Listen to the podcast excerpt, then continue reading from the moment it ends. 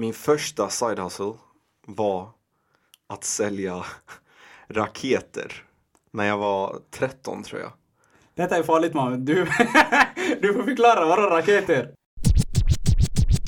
Jag är Fouad Shidane och du lyssnar nu på din nya favoritpodd, The Side Hustle. En podd som ska lära dig som lyssnar att skapa upp ett extra knäck vid sidan om jobb och skola samtidigt som vi samlar ihop pengar till en behövande organisation. Jag känner att det är dags. Är ni redo? Vi kör om fem, fyra, tre, två, ett!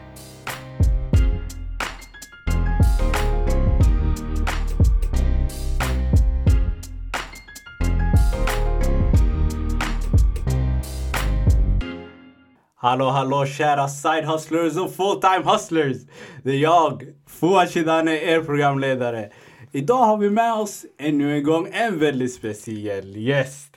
Denna killen är idag lokalansvarig för eh, Aktiespararna.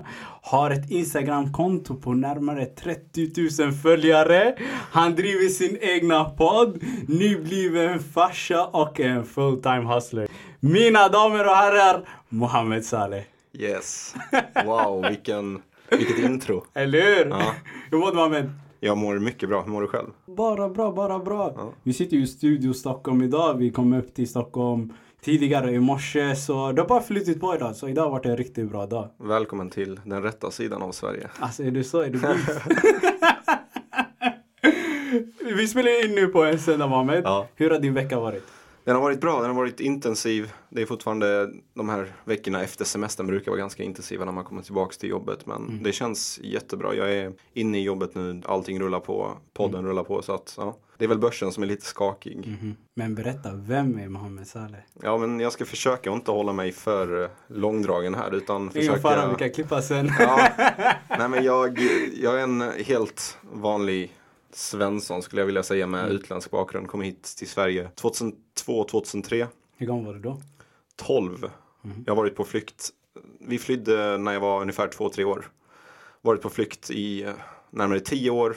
Har den här traditionella flyktvägen har vi tagit från Irak till eh, Turkiet, Grekland, Italien, Tyskland, Nederländerna. Så att eh, ganska lång flyktväg, hamnar i Sverige och Rosengård 2002-2003, där årsskiftet. Kom två dagar in, innan nyår.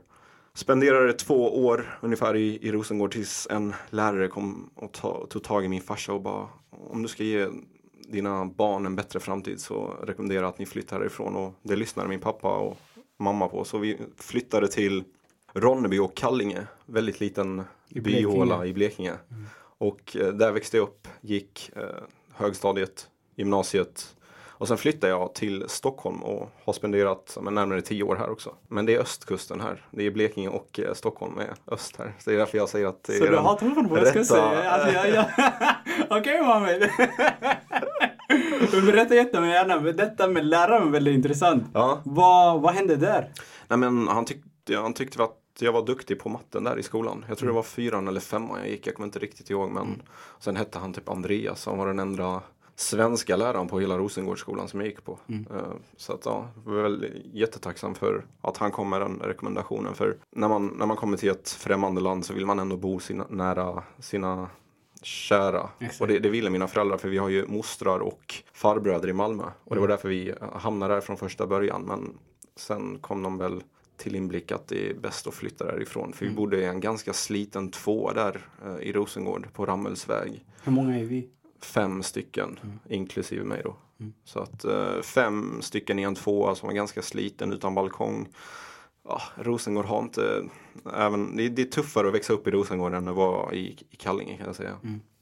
Så att väldigt tacksam för, för mina föräldrar både att de kunde lämna sin egna familj från Irak Mm. men också komma till ett land där de kunde ge oss alla de här förutsättningarna. Och jag är otroligt tacksam för det här fantastiska landet som vi faktiskt hamnade i. För vi bodde i Holland i ungefär fem år. Kommer du ihåg mycket? Ja, jag har förträngt ganska mycket. Nästan allt från min barndom har jag förträngt. Och Mm. i Sverige har, det är där jag har öppnat upp mina, min synfält igen. För att det var ganska tuffa perioder. Jag kommer ihåg när, när vi fick det här sista avslaget i Holland. Mm. Så, jag kommer inte ihåg hur gammal jag var, men kanske var 11, 10-11. Och då kommer jag ihåg att jag satt i klassen och bara grät. För att jag visste att vi, vi skulle bli utskickade och sen fick vi papper hem att om inte ni eh, hjälper till och liksom samarbetar så kommer vi skicka hem polisen. Sen kommer de skicka ut er från landet. Men sen samma dag typ så, så kom det en granne. För vi var väldigt, vi bodde i en liten stad som heter Vorkum. Så kom det fram en, en man, vår granne. Så sa han Gör så här, packa era grejer, bestäm vilket land ni vill åka till och sen kör jag er. Asså? Ja, så vi, mamma och pappa packar allting och sen på, på kvällen så satt vi i en bil och sen körde vi till, eh, till Sverige och hamnade här. Och det, hela den här byn, de, de erbjöd sig, men vi kan, ni kan bo hemma hos oss eller till och med kyrkan erbjöd att vi skulle bo hemma hos dem. Men nej, föräldrarna ville åka och jag, det, han, det var antingen Sverige eller eh, Storbritannien och det blev Sverige. Så att, ja, det är, det min resa till jag kom till Sverige och sen the rest is history. The rest is history. Det är helt otroligt. Och nu har du bott i Stockholm i tio år. Ja, Idag lokalansvarig på Aktiespararna. Vad innebär det? Vad är Aktiespararna för de som inte vet? Aktiespararna är en organisation egentligen som är spararnas bästa vän eh, Okej. inom finansbranschen. Vi försöker hjälpa till människor att komma igång och slipper eh, bränna sig på dåliga aktier. Vi rekommenderar alltid långsiktighet och riskspridning. Vi har utbildningar. Nu driver jag podden går mer åt en sparekonomroll, vilket är att jag blir medieansvarig för Aktiespararna och ansiktet utåt för dem. Så att eh, det är en ganska stor organisation och en viktig organisation för alla vet hur viktigt det är att börja med aktier och fonder i rätt tid och investera i rätt tid och kunna ge de här förutsättningarna till sina barn. Och jag önskar att alla i förorterna kunde hitta investeringar och Många svenskar säger ränta på ränta, Ja. vilket är haram inom islam. Så jag säger avkastning på avkastning. Okej. Det är exakt samma term men heter någonting annat. Så att, och det är inte, för ränta på ränta blir helt fel benämning enligt mig. Exakt. Så att, eh, viktig organisation för, för hela samhället egentligen. Som, Verkligen. Ja. När man ser det så här också, just med aktier. Det är ju väldigt skrämmande för väldigt, väldigt många. Mm. Och det känns som ett helt annat språk också. Om du skulle bryta ner det. Mm. Vad är en aktie? En aktie är en del i ett företag. Ja. Så jag äger ett företag, du köper en aktie av mig. Då blir du delägare i mitt företag. Så jag köper en aktie i Mohammed AB, då är jag delägare i Mohammed Ja, AB. svårare än så är det inte. Och det är samma om du köper, jag har Apple-aktier. Då är jag indirekt ägare i Apple, även om det är en, ett fragment av hela bolaget så är det ändå delägare. Och då har jag rätt till att gå på årsstämmorna som de håller. Jag har rätt till vinsten som bolaget har. Ja, Mycket, mycket nedbrutet så är det delägarskap i ett företag. okej. Ja. Och ehm, du pratar väldigt mycket även om fonder på ditt Instagramkonto, investmentbolag, lägga upp en eh, långsiktig hållbar strategi. Do tell please. Fonder, om jag, ska, jag ska försöka hålla allting väldigt simpelt och på svenska så att vi inte går in på finanslingo alldeles för mycket. Men Jag kan somaliska annars. du kan, ja, jag kan alla andra språk förutom somaliska, tyvärr. Men på ren svenska så är fonder en blandning av det finns aktiefonder, då är det minst 16 aktier i en fond. Så det blir som, jag brukar förknippa det med, antingen plockar man lösgodis, aktier, eller så köper man en färdig påse fonder. Och då har någon annan bestämt den här, det här innehållet till dig. Exakt. Och en professionell förvaltare är bakom, eller så är det indexfond. Så är det en dator eller en robot bakom som förvaltar. Och investmentbolag fungerar i, i princip på samma sätt som en fond. Och jag brukar rekommendera fonder och investmentbolag till nybörjare för att du får den här riskspridningen. Vi brukar alltid snacka om riskspridning för att man vill inte lägga alla sina pengar på en grej. Säg att jag skulle lägga allting på att men det här bolaget hittar nästa coronavirus. Och sen gör de inte det och då kollapsar hela det här bolaget, hela min investering försvinner. Men köper jag 20 stycken bolag, varav en är hög risk som det här virusbolaget. Exakt. Om den kollapsar då har jag fortfarande mina 19 andra bolag som kan gå åt rätt håll. Mm. Så därför snackar vi alltid om riskspridning och när du köper fonder och investmentbolag så får du det här automatiskt. Exakt. Och det här är ett väldigt bra tips till alla nybörjare som vill sätta sig in i branschen. Börja med fonder och investmentbolag och håll er till det. Mm. När ni har gjort det här i ett par år, ja, men då kanske man kan börja analysera sina egna aktier. En, ett koncept som jag verkligen, verkligen gillar det är då konceptet generational wealth. Mm. Bygga på det inte bara för dig själv men för din framtida familj, Mm. deras framtida familj. Vad är din syn på det? Det är en väldigt bra syn och jag förespråkar att man alltid ska vara långsiktig. Snabba pengar existerar inte någonstans. Nej. Varken ute på, för det har blivit sjukt vanligt med att man ser upp till förortsungar Mm. som jagar de här snabba pengarna, åker i snabba bilar. Mm. Men det finns inte snabba pengar, varken på börsen eller ute på gatan. Så Ja. att det glömmer vi bort helt. Tänk långsiktigt, tänk generationer framåt som du säger. Mm. Jag har redan börjat spara till min dotter innan hon föddes ens. Mm. När jag visste att jag skulle få en dotter, då satte jag upp ett sparkonto direkt. Jag började investera. Hon kommer få, enligt min prognos, 500-600 000. Och tänk om När alla... hon fyllt 18. Ja, exakt. När hon, eller när hon fyllt 20-25. Jag kommer aldrig ge henne de här pengarna utan det kommer vara som en fond som jag kan bidra och hjälpa henne med olika grejer. Men tänk om alla förortsföräldrar kunde göra det här för sina barn. Jag vet att det är svårt men det räcker med 100 kronor per månad. Tänk dig själv. 100 kronor i månaden kan bli 200-300 000 när de blir 18-20 år.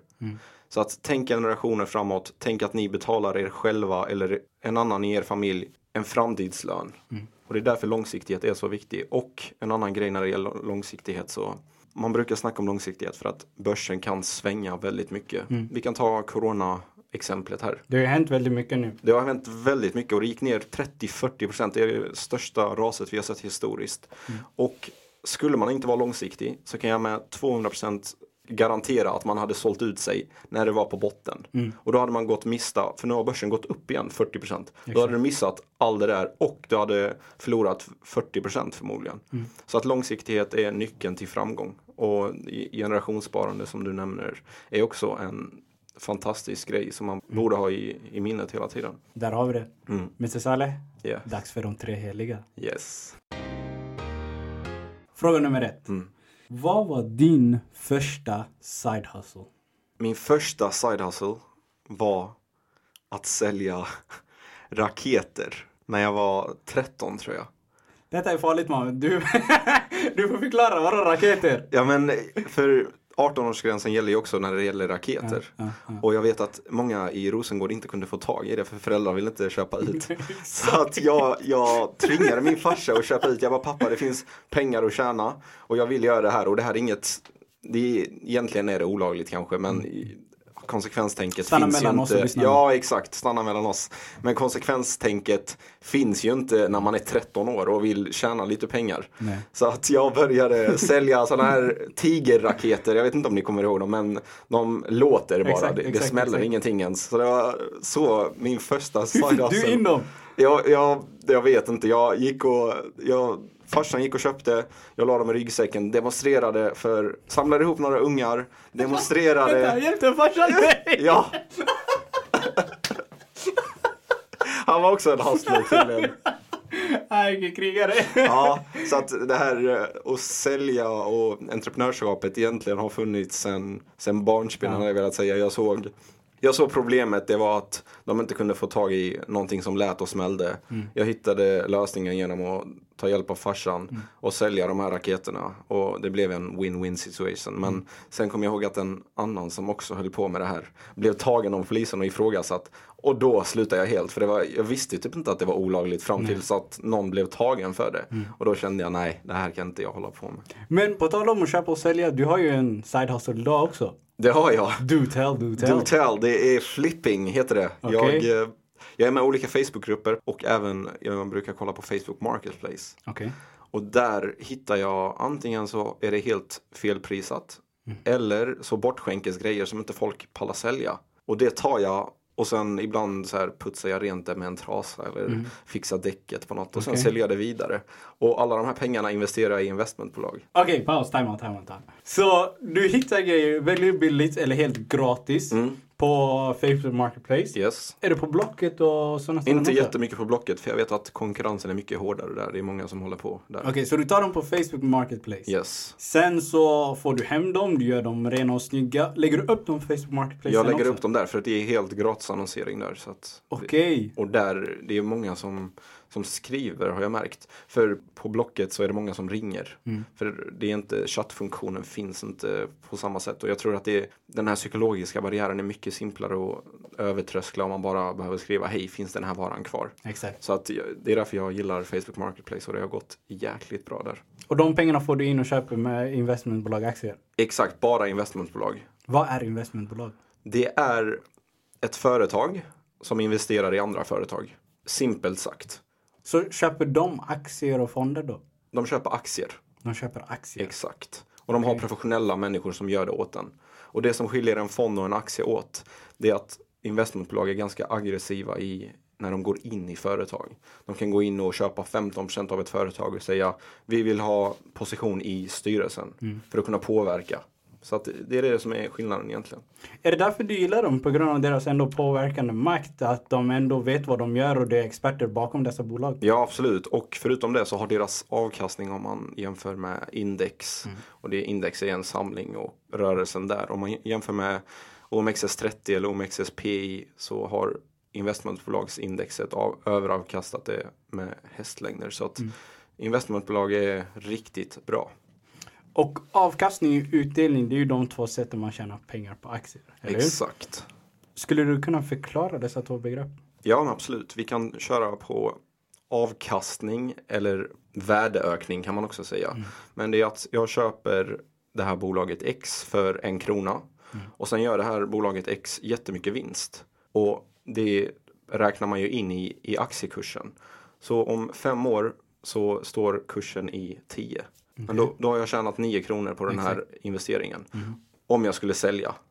Och då, då har jag tjänat pengar. Och det är Och det är endast sätt. när man säljer man tjänar de pengarna. Exakt, för annars är du delägare fortfarande. Men om du säljer din del, så jag har en krona, eller jag köpte aktien för en krona och du vill köpa den om fem år för 10 kronor. Och då måste jag sälja den för att casha hem så att säga. Och sen finns det utdelning. Och utdelning är att bolaget X du köper, jag sa ju att man har rätt till utdelning och vinst innan. Och det är att du köper det här bolaget och sen gör de vinst, säg att de gör f- 10 kronor i vinst. Okej. Och då väljer de att återinvestera fem av de här kronorna. Och resten av de här fem kronorna väljer de att dela ut sina, till sina aktieägare. Okej. Och det här bolaget har fem aktieägare så att alla aktieägare får en krona var. Så att då, Är det gratis cash? det är ja, typ gratis cash. Okej. Ja, Fråga nummer två. yes. Vad har varit din största motgång eller ditt största misslyckande som allmänt kanske aktiesparare, som företagare, som hustler, side hustler? Och vad tog du med dig därifrån? Vad var din största lärdom? S- jag tycker det är en ganska svår fråga men min största lärdom är ändå att, att strunta i sitt ego. Skita i den. Jag tror mitt ego har kostat mig jätte- jättemycket. Jag kommer ihåg att jag i början köpte kostymer för 10 000 spänn. Så här bara för att försöka imponera på människor, andra människor. Så att mitt ego har varit, och jag tror att det här är ett problem för många, egot. Att det sätter stopp för så mycket. Att man inte hittar sig själv, att man inte är bekväm i sig själv, att man alltid måste leva upp till någon annan och tror att man är bättre bara för att man har en fet kostym eller kör i någon riktigt fet bil. Så att mitt ego har nog förstört väldigt mycket för mig. Men jag har kommit på det här och låter inte mitt ego förstöra någonting i framtiden. Och jag skulle vilja säga allt annat, och speciellt här i Sverige, allt annat man kan få det på en räkmacka. Du kan få utbildning. Du kan plugga hur mycket du vill gratis. Det är inte många andra länder som har det. Arbetssituationen och arbetsmarknaden är hur öppna som helst. Även om jag heter Mohammed så har jag nästan aldrig blivit nekad till en arbetsintervju eller fått ett jobb som inte någon annan, eller som inte jag hade fått för att jag heter Mohammed. Så att, nej, jag tycker att det enda som har satt stopp och begränsningar i mitt eget ego faktiskt. Men vad känner du till de personer då som säger, ja men på grund av att jag heter Mohammed, Ahmed, Abdi, you name it. Det, de är rasister. De ger mig till jobbet på grund av det. Vad Det- säger du då? Det kan vara så. Jag säger inte att det aldrig är så. Det finns såklart diskriminering på arbetsmarknaden, men det är väldigt få. Och jag kan säga så här, jag har alltid varit den som har jobbat hårdast på alla arbetsplatser. Jag har kommit in tidigast, dragit sist. Och det här, det ger avtryck. Nu på Aktiespararna, jag hamnade där för att jag alltid kom till jobbet först, drog sist och då kom vdn här, Joakim, min, min chef som är riktigt bra. Är detta medan du är på unga aktiesparare? Exakt. Och han ser det här. Han ser att jag alltid kommer in, jobbar hårdast, drar sist. Säger Mohammed, det kommer öppna upp- upp en position här som ansvarig för lokalavdelningarna. Är du intresserad? Ja, Joakim såklart jag är intresserad. Ja, men vi är intresserade av dig också. Lämna in ett CV. Ja, men kör den här rekryteringsprocessen. Sen fick jag jobbet. Och det, man kan alltid påverkas sig själv. Du kan aldrig påverka någon annan. Och bara, nej men så här är det. Utan du ska göra så bra ifrån dig att den personen vill ha dig. Att den personen känner att om inte jag rekryterar den här människan så är det jag som förlorar på det. Så att bygg din egna plattform. Det är, det är min grej. Och sen skit i om du får ett nej för att du heter Mohammed. Kolla på mig, jag heter Mohammed. Jag har fan ett namn som ingen jävel kan stava till. Men ändå sitter jag här. De stavar med U och de stavar med A och de stavar med ett M. Men så är det och det är bara att kriga på. Mohammed, du är verkligen en inspiration. Tack, tack Fouad. Du, vet, vet du en grej som jag läste häromdagen? Det var om din kompis Anel hette han va? Anel ja. Den, den historien måste du berätta. Ja, jag... Eh, ja, det här, är- Anel är egentligen anledningen till varför jag började med aktier. Jag, vi körde, vi bodde ganska nära, han bodde i Skärholmen, jag bodde i Vårberg. Så skulle vi till en MMA-träning. Okej. Det här var, Tränar du MMA också? ja innan gjorde jag det. Tills jag gjorde illa Jag axeln. ska inte jävlas med dig. Ja, nej. Men så, så körde vi, jag körde så här och Anel höll på med sin mobil hela tiden. Jag bara, fan vad osocial han är. Jag bara, Anel vad gör du?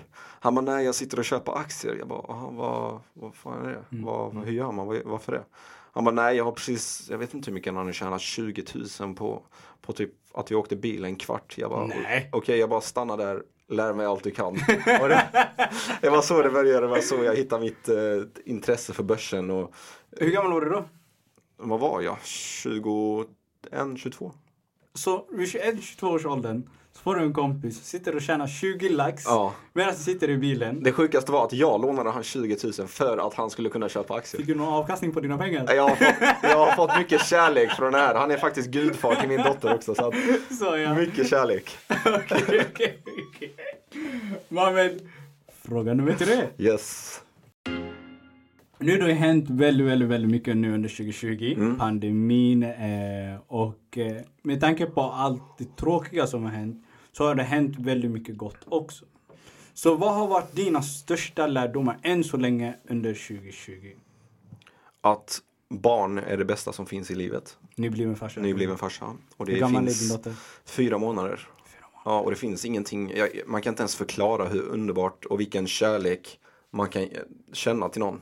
Och det är så här, även om du har varit kär i någon och bara älskat någon så mycket så kommer man inte förstå vad kärlek är förrän man får ett barn. Och det, det är min, min största lärdom att familj, för mig är det absolut viktigaste.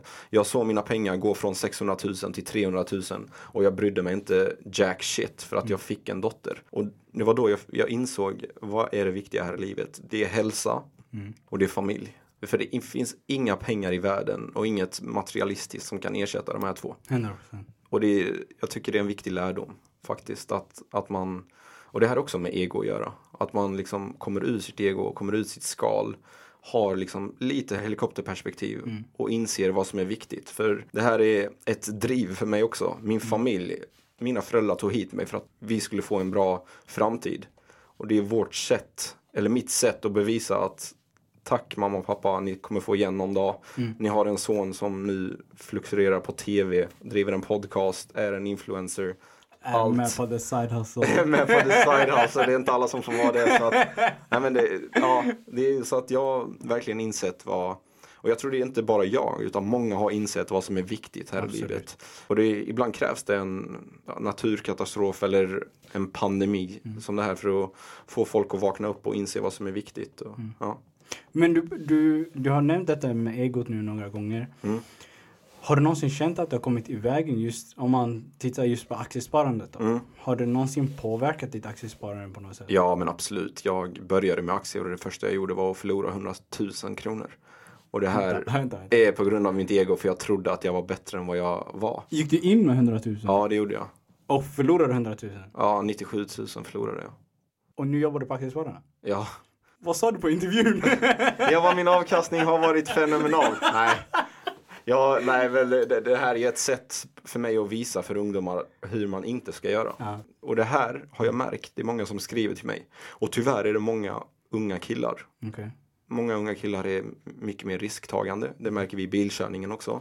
Det är inte ofta en tjej eller en kvinna skriver hej jag har förlorat så här mycket pengar. Utan det är oftast unga killar som vill ta den här risken och vill bli rika snabba. Men det, det funkar inte så. Utan ta det lugnt och tänk långsiktigt. Det är alltid mitt tips. Okej. Och det där, kost, mitt ego kostade mig väldigt mycket pengar där också. Så att det har kostat mig ganska mycket. Okej. Och för att avsluta, Mohammed, nu är det dags för din Hustlers list. Min hustlers kommer bestå av nio punkter. Inte fem. Inte fem, det här är lite mer exklusivt och jag kommer gå igenom exakt alla punkter som krävs för att just du ska börja med aktier och investeringar. Okej. Och vi börjar med punkt nummer ett. Jag har skrivit utbilda dig själv om börsen. Läs böcker, kolla videos, lyssna på poddar. Här kan jag slänga in min egna podcast tillsammans mot miljonen. Och det här är så viktigt för att du måste vara väl utbildad, göra inom situationstecken. För att inte gå på alla de här minerna som jag gjorde. Och som många gör. Så att utbilda dig själv, var långsiktig och stressa inte in på börsen. Nej. Så det här är mitt första tips. Utbilda dig själv när det gäller investeringar och även hur börspsykologi fungerar. Exakt. Okej, Vänta, innan du går vidare. Har du tips på bra böcker? Det finns böcker, jag, det finns på min Instagram, men skriv till mig. eh, För jag har ett par böcker i olika branscher. Men om du söker börspsykologi böcker så får du upp, eller börja med aktieböcker. Jag vet att Marcus Hernhag har väldigt bra böcker. Per H Börjesson har väldigt bra böcker. Så det finns ett par. Men behöver man hjälp med konkreta boktips så är det bara att skriva så hjälper jag till. Och ditt Instagramkonto är då? Mohammeds väg till miljonen. Okej. Punkt nummer två. Punkt nummer två. Gör research och välj vilken mäklare slash bank som passar dig. Vadå, finns det olika? Det finns olika. Det finns både nätmäklare eller nätbanker som man säger och sen finns det de här klassiska Swedbank, Nordea, SEB. Men jag föredrar nätmäklare för att det är lite smidigare. Och här har vi Nordnet, vi har Avanza, vi har Aktieinvest. Eh, Så kolla på dem och kolla vad som passar dig, kolla vilket design som passar dig. Och håll koll, det här är ganska viktigt, courtage. Och courtage är avgift för köp och sälj av aktier. Och de här har lite olika, så kolla vilken som har det högsta. Så här, jag vet att Nordnet har upp till 80 000 kronor courtagefritt. Då kan du alltså göra insättningar och köpa aktier för upp till 80 000 innan du betalar courtage. Okej. Väldigt bra och väldigt smidigt. Så Vad använd- heter det när det är på fonder då?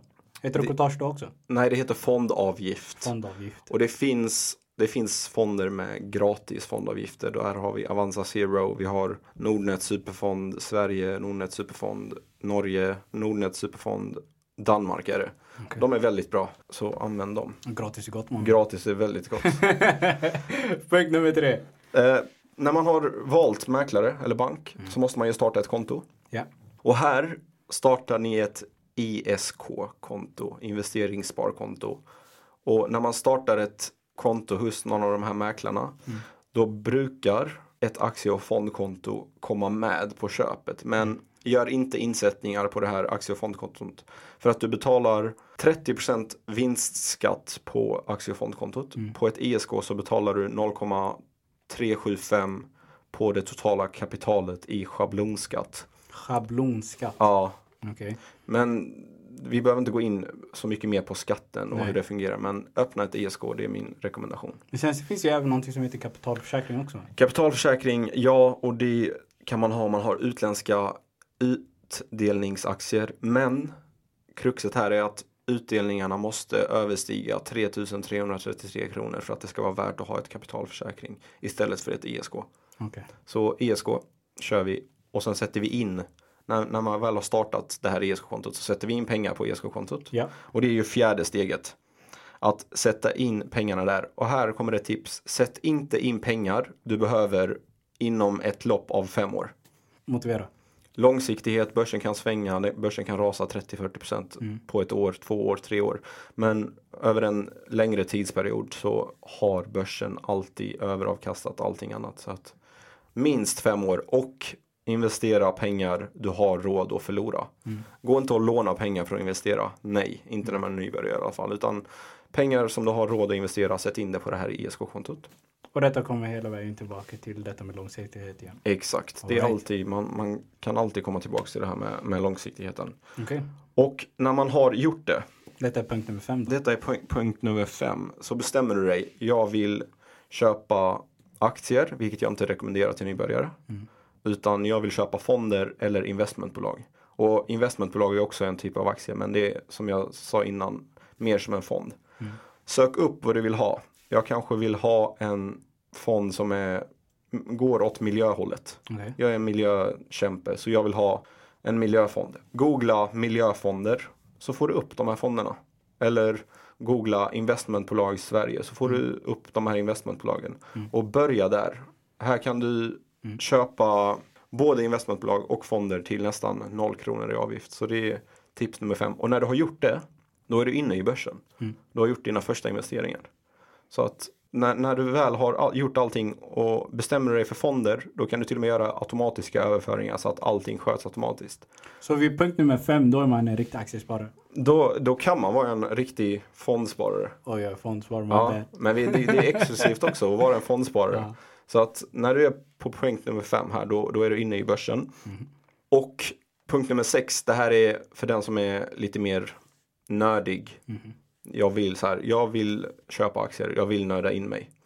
Gå in på börsdata eller på hitta kursvinnare. Här är två analysverktyg.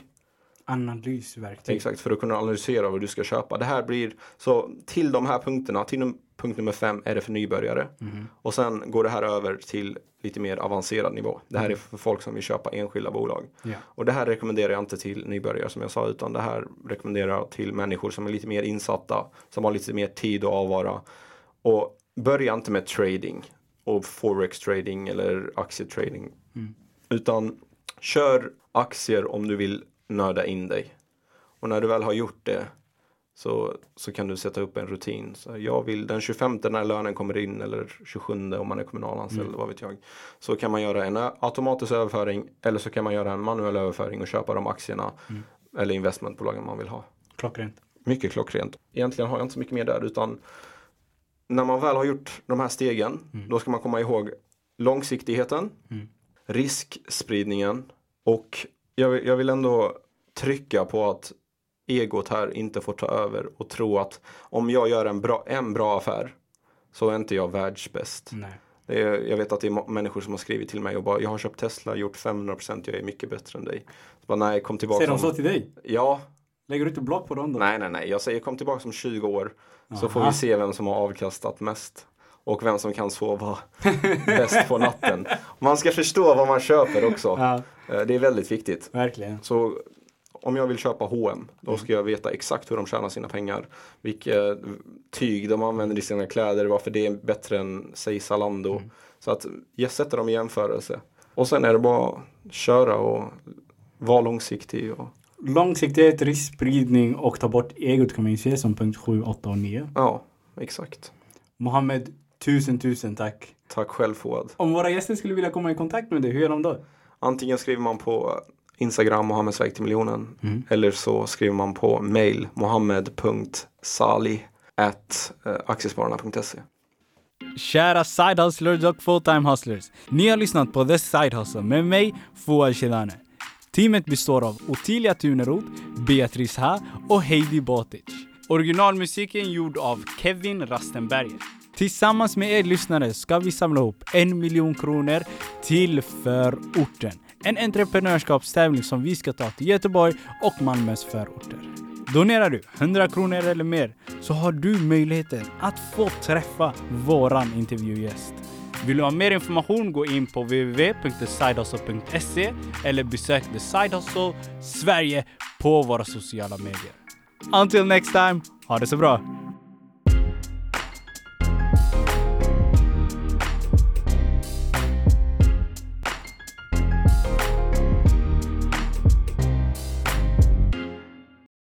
Aktier, va? Skojar du jag ska lägga in pengar i en bank sen vänta på att någon annan ska se till så att dina pengar växer, va?